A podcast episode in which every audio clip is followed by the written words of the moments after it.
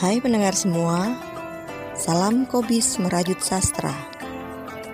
Pada Ramadan 2022 kali ini, Kobis Merajut Sastra akan menemani kalian dengan rangkaian cerpen selama sebulan penuh.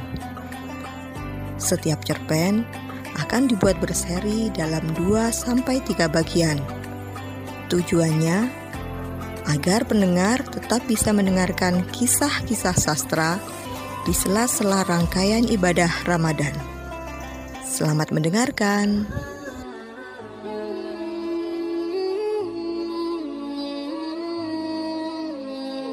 Tadarus Angin Malam Pada bagian satu diceritakan Cynthia duduk di taman kota sampai tengah malam dan baru pulang menjelang sahur.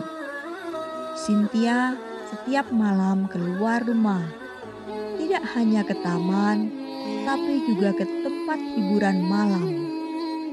Lantas, apa saja yang dilakukan Cynthia di tengah malam?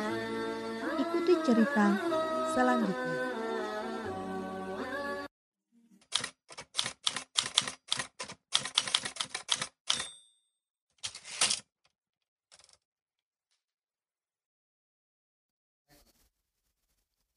Tadarus Angin Malam, karya Iman Suwongso, bagian kedua.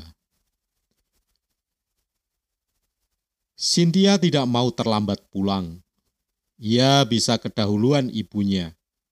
Usianya sudah 70 tahun.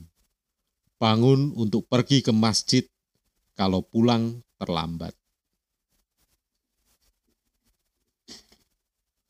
Pernah sekali ia pulang sesudah subuh. Ibunya menunggunya pulang dan tidak beribadah di masjid. Paginya dikabarkan tetangganya yang biasa berjamaah bersamanya. Mereka khawatir ibu Cynthia sakit. Cynthia baru pulang sesudah subuh. Aku tidak tahu kalau selama ini ia keluar malam. Kalau aku tinggal, siapa yang menunggu rumah dan anaknya? Cerita ibunya. Cerita itu menyebar dan jadi bahan kunjingan.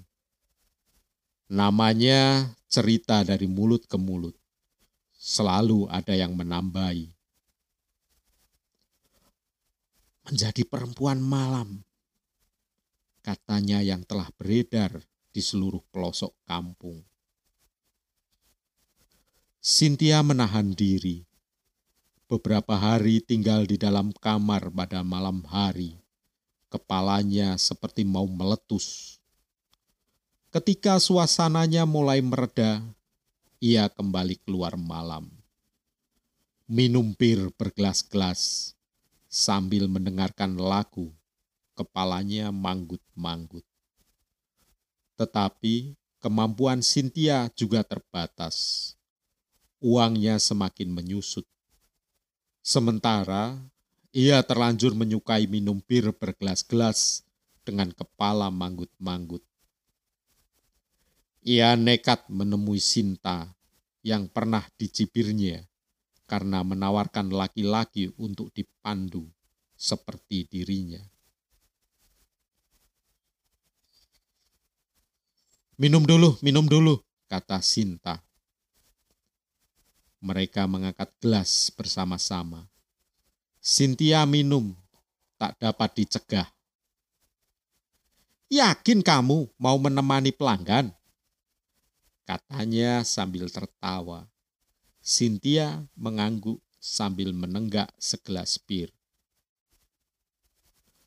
Menjelang bulan puasa, Cynthia membaca pengumuman yang ditempel di pintu masuk karaoke. Pengumuman itu disebarkan pemerintah daerah setempat. Selama bulan puasa, hiburan malam tidak boleh buka. Di bawah pengumuman pemerintah, juga ditempel pengumuman dari pengelola karaoke. Buka lagi setelah lebaran. Cynthia gelisah. Ia berharap pengumuman itu hanya basa-basi belaka. Ketika seorang laki-laki pelanggannya mendekap dari belakang, ia sudah menghabiskan dua botol bir. Cuma bir memang, tetapi kepalanya sudah pening. Merayakan malam terakhir rupanya, goda laki-lakinya. Cynthia tidak menjawab. Kepalanya seperti mendapat godam tambahan. Cynthia mengambil minuman lagi dan satu gelas untuk lelakinya. Lagu demi lagu diputar berdentam menggetarkan ruangan. Mengantar Cynthia menuangkan bir sampai tersisa keraknya. Cynthia menuntun lelakinya seperti menuntun kerbau yang tercocok hidungnya untuk melantai. Mereka minta lagu jaran goyang. Mereka menyanyi bergantian sambil bergoyang di depan layar monitor televisi 29 inci. Malam ini dalam ruangan karaoke seperti sedang terjadi pesta arak-arakan. Meriah sekali. Cynthia hanya betah tiga lagu. Kita keluar, bisiknya.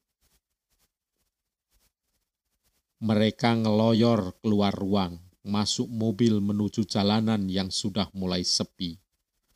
Mereka hanya menyusuri jalan, tak tentu arah. Lelakinya kelihatan kelelahan berada di belakang setir mobil. Jadi kita ke mana? Jalan saja, jawab Cynthia. Lelakinya mulai mengencangkan gas. Cynthia memutar lagu dari tape mobil. Ia menyanyi mengikuti lagu yang diputar. Suaranya keras, mengambang, nadanya fals. Kamu mabuk? Ya, hanya minum bir mabuk. Tidak, Lantas mabuk apa? Cynthia tidak menjawab. Ia mematikan tip mobil. Ia berhenti menyanyi. Matanya memandang tajam keluar kaca pintu mobil. Kita pulang. Cynthia mendengar suara mengaji dari pengeras suara masjid. Subuh akan tiba ia harus segera sampai di rumahnya.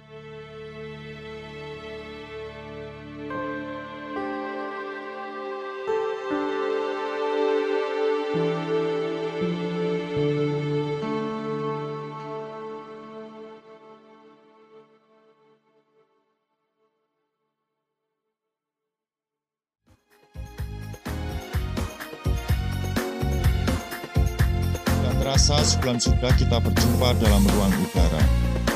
Ramadan berlalu, lebaran kita tuju. Selamat merayakan hari kemenangan Idul Fitri 2022. Mohon maaf lahir dan batin dari kami, Kopis Merajut Sastra.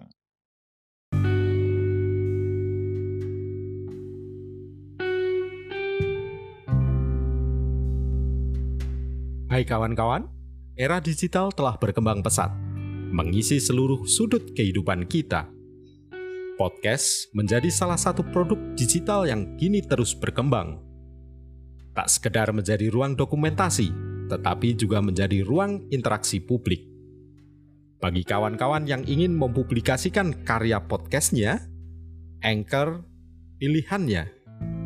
Kenapa harus Anchor? Karena mudah menggunakannya dan bisa mengupload dari mana saja.